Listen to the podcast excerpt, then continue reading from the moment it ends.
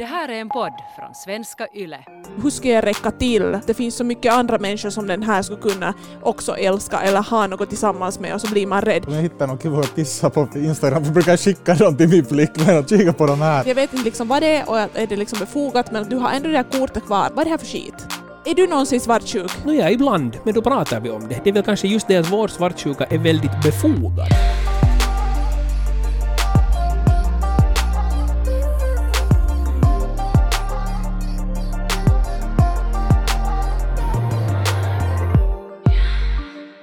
Jag träffade min flickvän ungefär ett år sedan. Uh, Vi började sällskapa förra hösten. Men en sak som jag fattar i det här förhållandet, att jag känner mig jättemycket mindre svartsjuk. Och jag har alltid trott att jag är en jättesvartsjuk människa. Men hon ger åt mig en sån trygghet, eller i alla fall har jag uppfattat det på det sättet att hon ger åt mig en sån trygghet att jag går inte omkring och har en sån svartsjuka som jag har haft i före detta förhållanden. Som är ganska sådär, åt mig i alla fall, ganska nytt.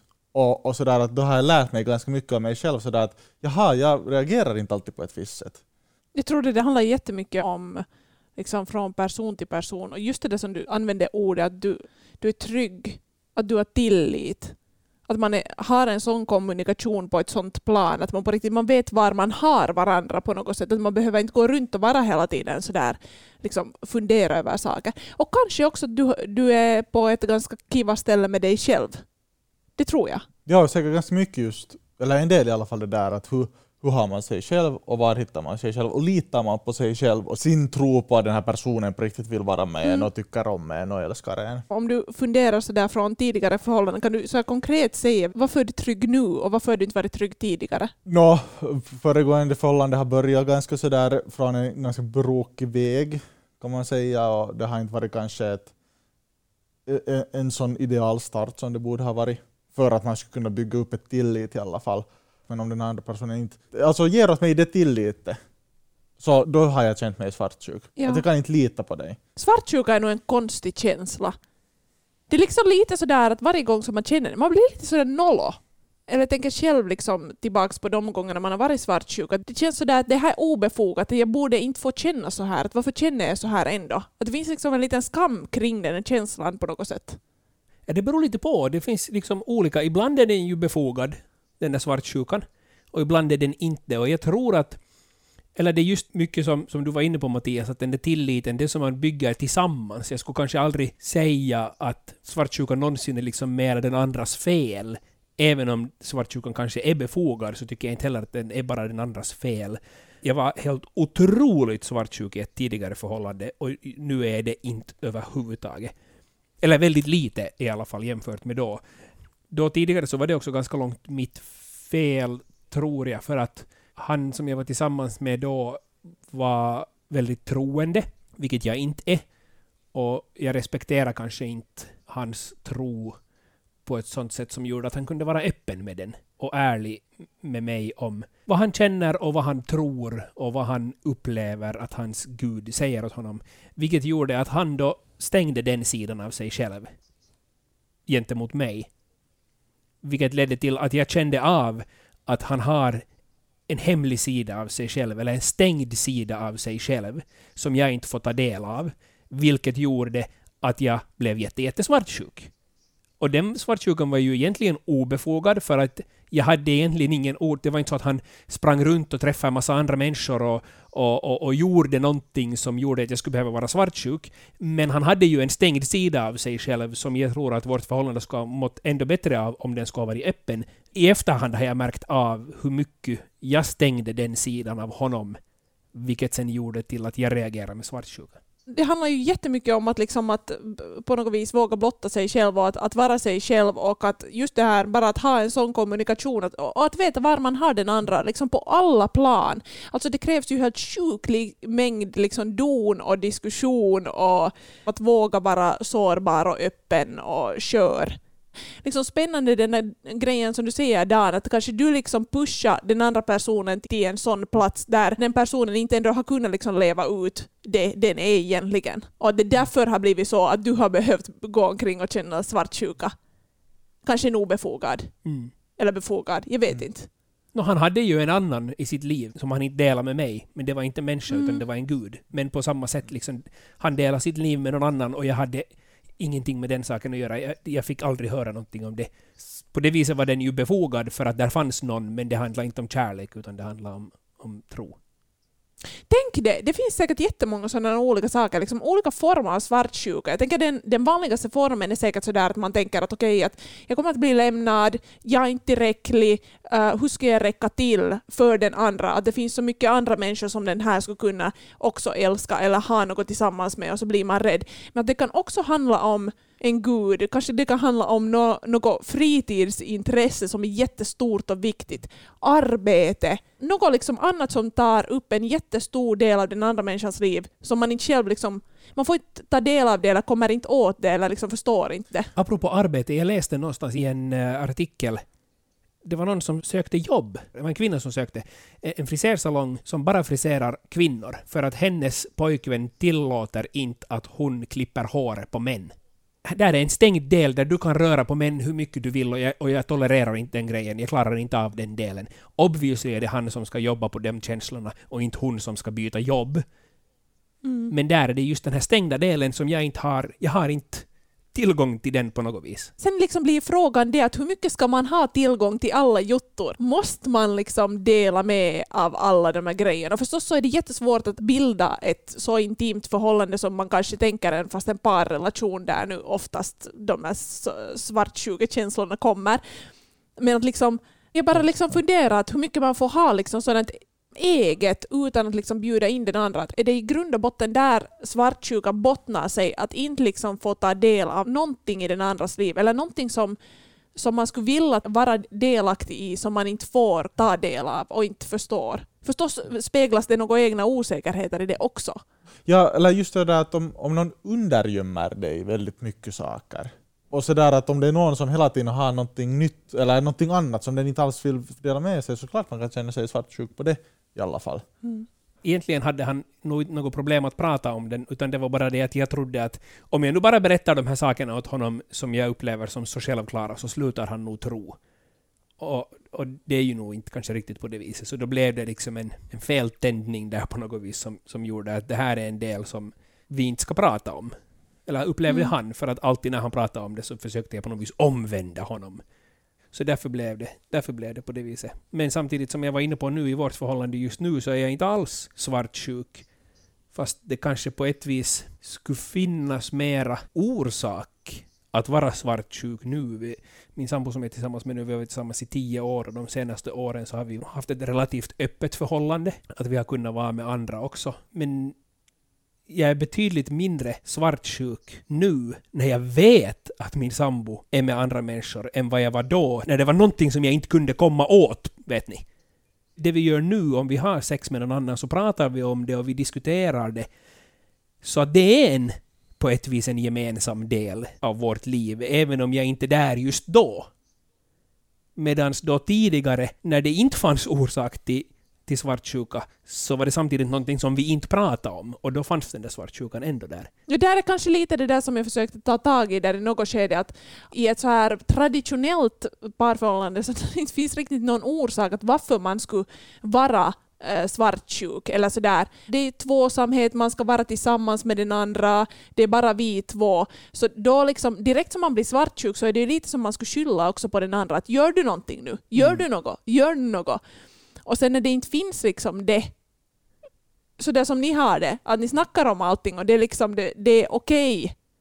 Inte vet jag, behandlar man kanske svartsjukan också på ett annorlunda sätt?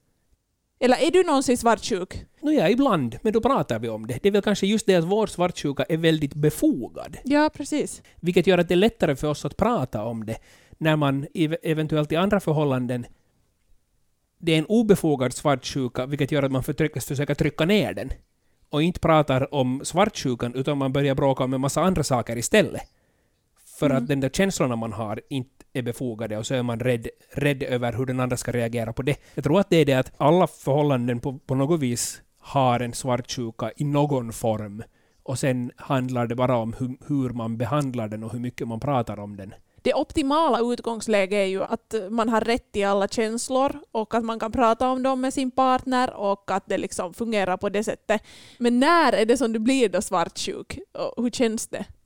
Jag, jag vet inte. Alltså, det är hemskt sällan jag är svartsjuk. Alltså kanske om han sitter och pratar med någon jätte, jättelänge, min sambo. Det är väl kanske det ja. Då, då, då är jag lite svartsjuk. Om... Gör någonting om du vill, men kom sen hem. Ja, Men att när du är hemma så då är det min tid. Då är det liksom vår tid tillsammans. Så det är kanske mera, mera då jag blir svartsjuk än när han faktiskt är iväg, eller när jag är iväg. Jag vet att det funkar på helt samma sätt. Alltså när, jag, när vi är tillsammans så är vi tillsammans. Det är så viktigt att man inte för den där andra bakom mörkret på det sättet, att man är ganska just öppen med det som man håller på med. Man är väldigt ärlig. Och då försvinner svartsjukan också jättemycket mera. Alltså jag har ju varit i monogama förhållanden bara liksom så här tvåsamhet och, och det är bara vi två. Vi knasar inte andra och, och inte nu någon sån där HC-flörtande med några andra. Ganska så här stereotypt eh, monogamt förhållande. Traditionellt. Jag kommer ihåg ett sånt case med mitt ex som han hade varit ut en kväll jag är inte svartsjuk för liksom sånt att den andra är någonstans far ut eller något sånt. Jag tänker på något sätt sådär att visst, jag har tillit, okej, man vet aldrig vad den andra gör, men jag kan inte heller påverka det och jag hade aldrig någon orsak att fundera på någonting. Men så berättade han en gång om en gång som han hade kommit hem någon gång tretiden och på gatan, det var sommar, så hade någon sprungit fast honom och och liksom började snacka med honom. Och sen gett sitt visitkort för att hon var fysioterapeut och hon hade en så här, sin mottagning där helt bredvid. Och han hade det där fucking visitkortet liksom kvar efter den där kvällen och jag var sådär då funderade jag en stund att okej, okay, nu är jag här och nu är jag liksom svartsjuk. Att, vad är det här? Så klämde jag det ur mig att helt att nyt mä oon mustasukkanen, att nu är jag svartsjuk. Att här känns det. Att jag vet inte liksom vad det är och att är det liksom befogat men att du har ändå det här kortet kvar och vad är det här liksom, vad är det här för skit? Den händelsen var så jävla konkret, att hur dum man känner sig, att på något vis att beskylla den andra för någonting som den verkligen inte har gjort. Ja, men nu hade han ju egentligen gjort när han hade tagit det där. Alltså för att det finns, i alla förhållanden så finns det ju gränser som man förhoppningsvis har pratat om, men jag tror att i många förhållanden så kanske man inte pratar om det. Samma sak i vårt förhållande, så fast vi är relativt öppna, så nu har vi också gränser och, vad ska man säga, Mm. inom citationstecken regler för hur vi ska göra och vad vi inte ska göra. Men i min plånbok, jag har också, och din sambo hade säkert, vet du, kvitton från fyra år tillbaka, som inte betydde någonting för honom överhuvudtaget. På samma sätt kan det där visitkortet också nu bara ha varit där för att det var nu dit han satte och det betyder inte någonting för honom. För honom är det helt samma som det där banankvitto han hade, hade liksom för fyra år tillbaks. Men för dig så betyder det någonting annat. Eller i alla fall i ditt innersta så, så sådde det ett litet frö av osäkerhet. Vilket kanske gjorde till att det fick mycket större konsekvenser. Men, men var det det att du på något vis trodde att han sparade där och, och, och det där visitkortet för att ha en, ett annat alternativ om det är så att det här nu tar slut? Eller vad, vad var det som gjorde att den där svartsjukan kom? Kanske just något sånt. Och liksom på ett sätt är det jätte, jättedumt för att oftast om man liksom vill göra något bakom ryggen på den andra eller liksom har några baktankar så då kanske han inte skulle berätta hela den här jotton. Alltså jag tror att det bottnar nog bara liksom enbart i min egen osäkerhet i det förhållandet med den människan. Och jag känner väldigt mycket igen mig i det där att inte tycker man ju kanske alltid att det är jättekiva om ens partner får nummer eller visitkort av någon random person klockan tre på natten. Man tycker inte att det, eller jag tycker så här, då, då ska man nu inte kanske ta emot det vis- visitkortet heller. Alltså men nu är det ju också någonting lite med det att om det inte finns en sån här kultur som i ert förhållande att man pratar om allt möjligt sånt här. När den andra berättar en sån här grej så är det lite så här att okej, nej, men vänta nu, varför berättar du den här jotton? Att Mm. är du med den här grejen nu? Skryter du? Att, liksom, ja, att, det att folk är intresserade av det. Att är det det du vill berätta? Att jag har nog marknadsvärde nu ännu här. Att folk liksom springer efter mig på gatan. Att kanske det är också en grej som man reagerar på. Att vi delar grejer men att vi delar inte lika öppet som Dan och hans sambo. Att sen när du berättar en sån här grej så det betyder ju någonting. Någonting vill du förmedla åt mig. Och så blir man osäker. Hur stor betydelse har det för er då, hur den där fysioterapeuten har sett ut? Jättestor betydelse. Om hon var satans snygg enligt mig så är det ju nog från reven. Men alltså, det här är jättespännande, liksom, bara hela den här diskussionen, för att jag tänker att det här är jätteolika med olika människor. hur jag skulle reagera på en sån story. Och liksom just som du säger att, att du och din sambo Dan, Mm. så ni pratar om allt möjligt.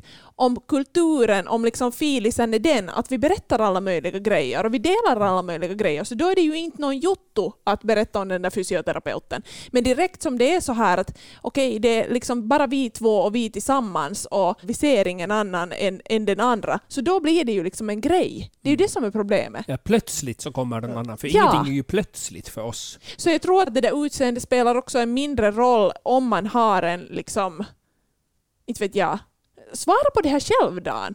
Har utseende en betydelse? Att om din sambo chattar med någon helt satans snygg, blir du eh, svartsjuk då? Förstås. det har det. Det, det, har det. Absolut. det är en av våra regler. Att det, om det är någon som jag också skulle vilja vara med, som inte överhuvudtaget är intresserad av mig och vet du, bara ditchar mig helt och hållet. Så Mm. obviously vill jag ju inte att, att min sambo heller far då säger bara åt mig hej då, jag kommer Dan om några timmar, vi ses.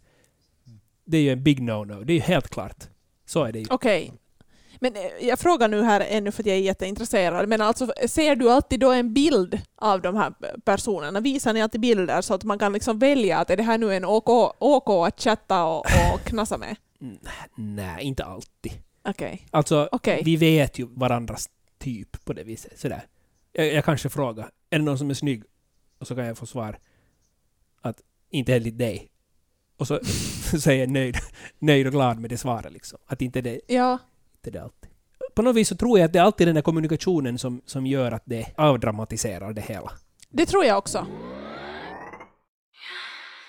Jag tänker ju också att det inte alltid är jättedåligt med svartsjuka, alltså på ett sätt, utan det kan lite vara en komplimang på något plan.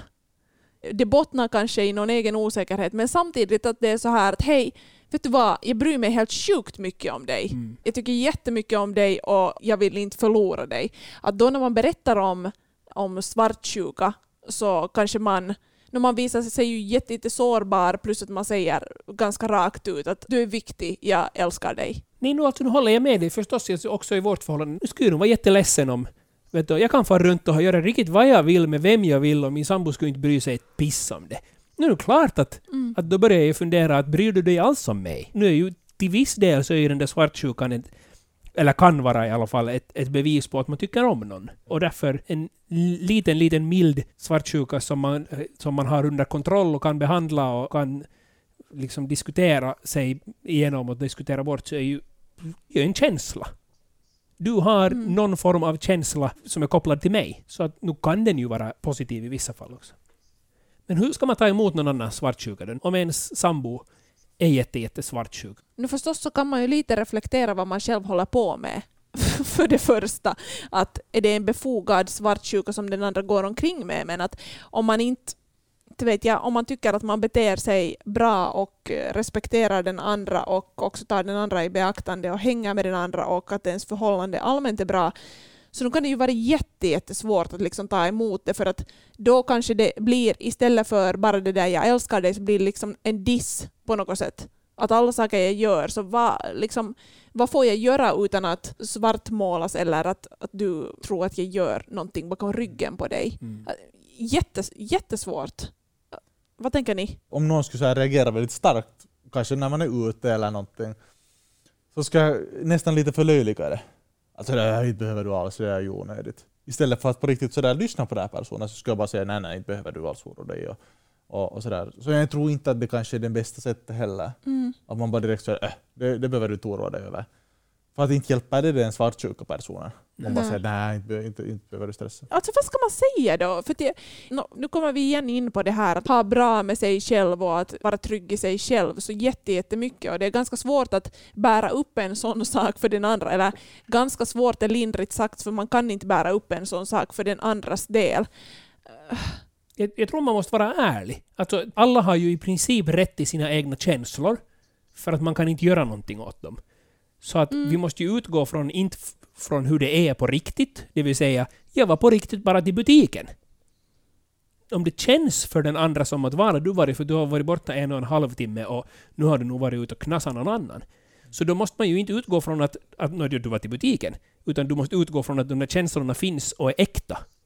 Och så måste man ju bara då vara öppen och berätta för den andra och vara brutalt ärlig och säga som det är för att ge den där tilliten så att den andra kan lita på en.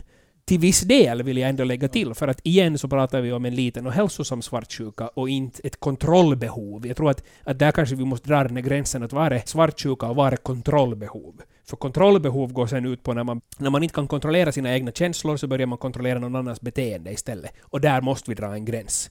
Att det är inte Mm. okej att börja kontrollera någon annans beteende. Du kan inte säga att du får aldrig någonsin gå till den där butiken mera för där jobbar den där ena som du tycker att är snygg. Mm. Det kan komma som förslag från den andra i så fall, att hur man tar emot den där svartsjukan.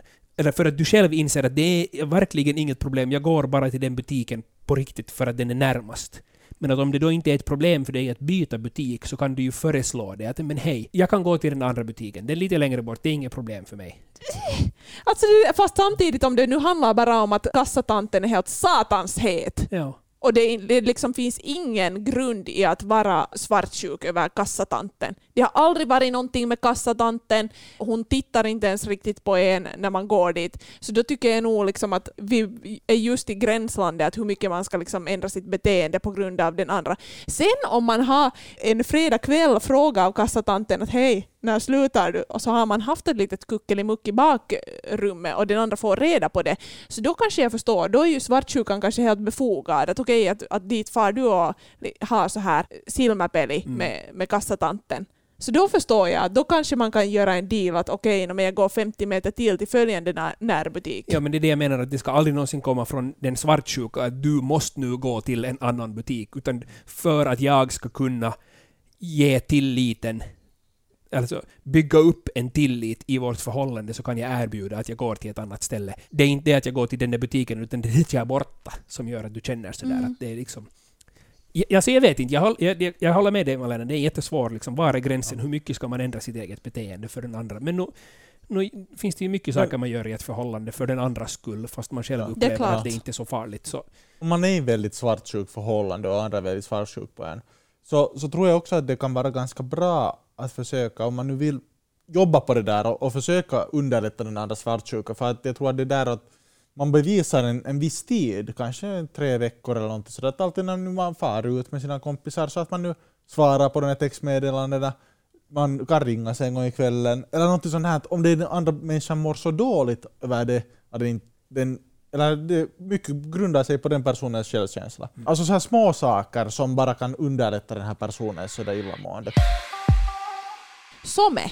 mm. Vad tänker ni, liksom, har ni känt någon svartsjuka kring liksom, sociala medier? Jag tänker det finns så jävla mycket olika ställen där man kan kontakta folk. Och liksom, allt från alla möjliga olika datingappar och eh, Instagram och Snapchat och inte vet jag, kanske till och med Facebook. Och man kan ju liksom hitta på allt möjligt på olika ställen och liksom snacka med, med folk.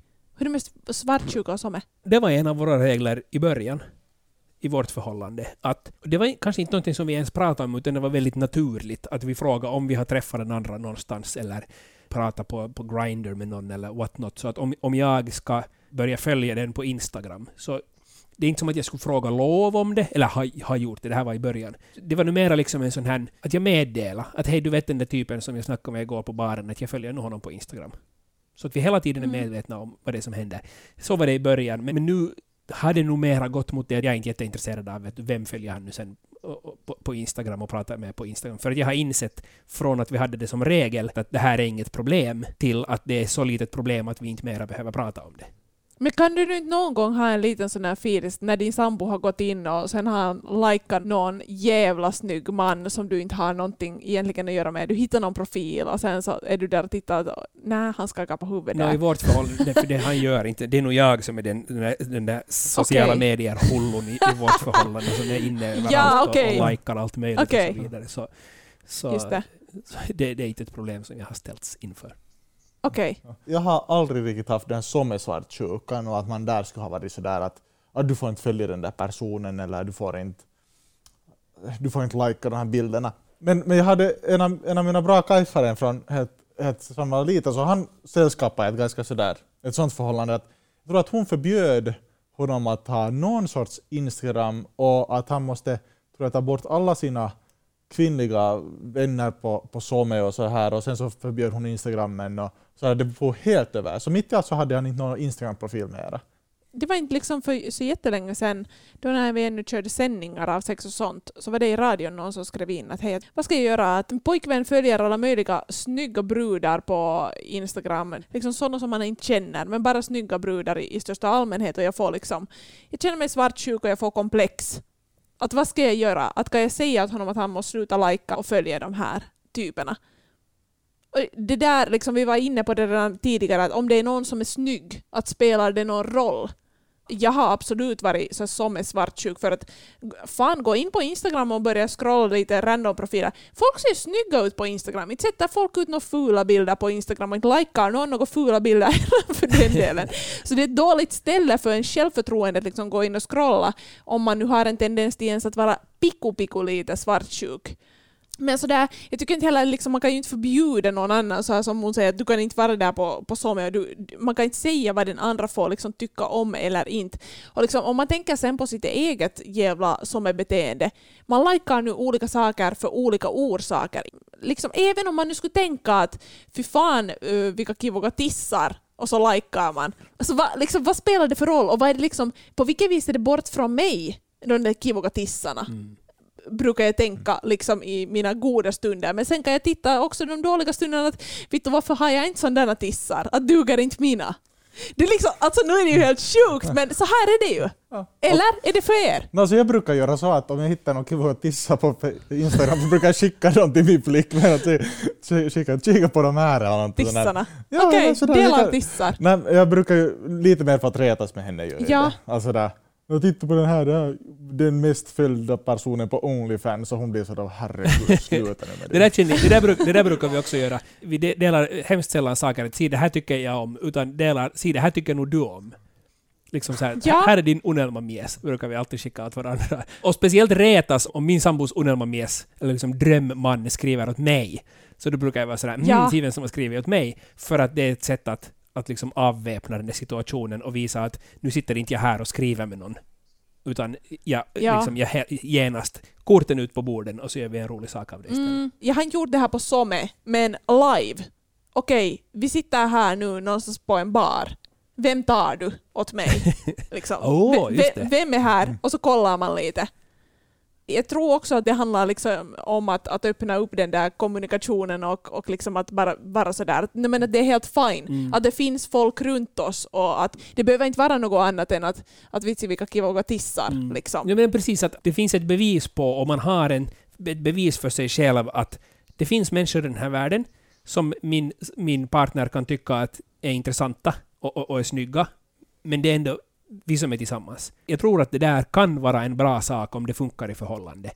Nu tror jag inte att man i alla förhållanden genast ska gå ut nästa gång man är på baren och vara sådär okej, vem av de här ska jag knulla, vem av de här ska jag knulla? Utan att det är någonting som får växa fram i någon form.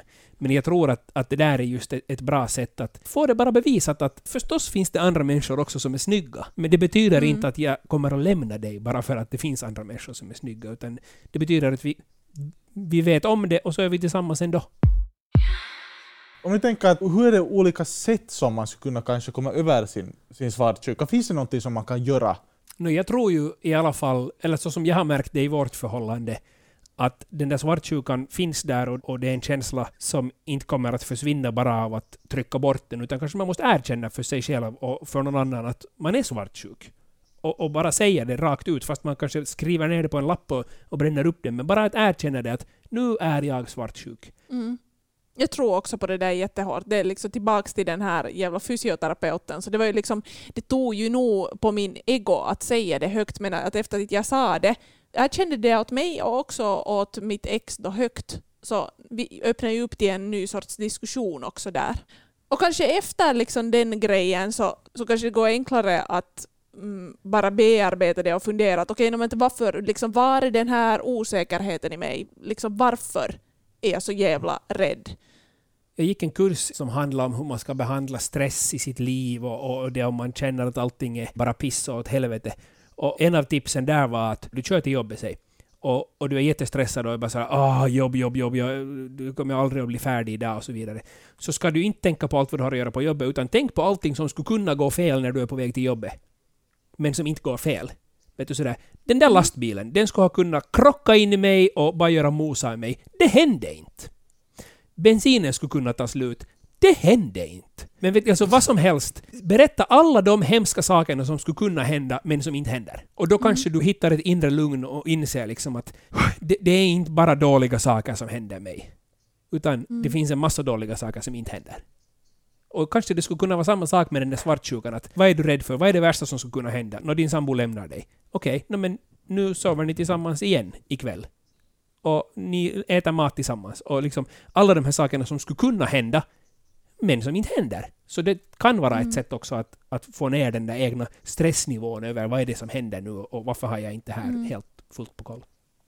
Sen tänker jag nog att sen måste man liksom, förstås sen när man har tagit tag i det här problemet och liksom kommit fram till att varför man är, kanske har blivit svartsjuk då, så då måste man ju på något vis jobba på sig själv. Vi är inne på det här spåret igen. Jobba på sig själv och lite... lite carpe diem, men att liksom jobba på sig själv och, och lite boosta upp sig själv.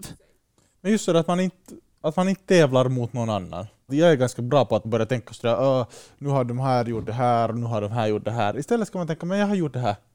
Det här är jag bra på och jag ska inte hela tiden tävla mot alla andra. Då tror jag att då börjar man sådär, det finns alltid någon som gör någonting bättre Det än finns en. alltid ett par bättre tissar på Instagram. Säkert, ja. Säg det högt och inse det, men inse att de där tissarna som, Ja, som bor hos dig kommer att bo hos dig fortsättningen också. ja, ja, och de är vitton snygga. Ja. och titta på tissarna i spegeln varje dag och vara sådär BOOM! Vilka boobs! På riktigt! Det här är först klichéartat att säga, men det här hjälper ju nog på riktigt. På riktigt, om det handlar om utseende grejer, om det handlar om tissarna på Instagram, så kolla dina egna tissar i spegeln varje dag. Och tänk, tänk på hur du har gjort hittills. Har du stått varje dag och tittat i spegeln och varit sådär ”Vittu vad fula tissar”? Och, och, och vad, vad tänker du om dina tissar nu? När du tänker att de är jäkligt fula? Nå för att du har stått framför spegeln Mm. och sagt att de är fula. Prova det motsatta i två månader och se vad som händer. Jag tror att det kommer funka. Får jag ändå ta sen min go-to-grej när det handlar om allting som har med känslor och speciellt ifall man bör- börjar känna att man vill bråka eller något sånt. Det vill säga, Ja. prata alltid utgående från dig själv. Is inte säga att ”Men du gör alltid så här och du har alltid i den butiken och du flirtar alltid med alla”. För att då går den andra i försvarsposition och så kommer man ingenstans överhuvudtaget. Utan bara säga att ”Vet du vad? Att en av orsakerna till varför jag tycker om dig så mycket är för att du är en jätteöppen människa. Men jag har märkt att när du använder den där öppenheten mot andra som jag vet att du kanske tycker att är snygg, så då börjar jag känna så här att wow, vänta nu, att vad är det som händer? Att prata alltid utgående från dina egna känslor och säg hur det känns för dig istället för vad du tror att den andra gör. Följ oss på Instagram, på yleextrem6. Där fortsätter diskussionen tillsammans med mig, Malena. På Instagram kan du också ställa frågor eller komma med förslag på teman som vi senare skulle kunna snacka om i podden.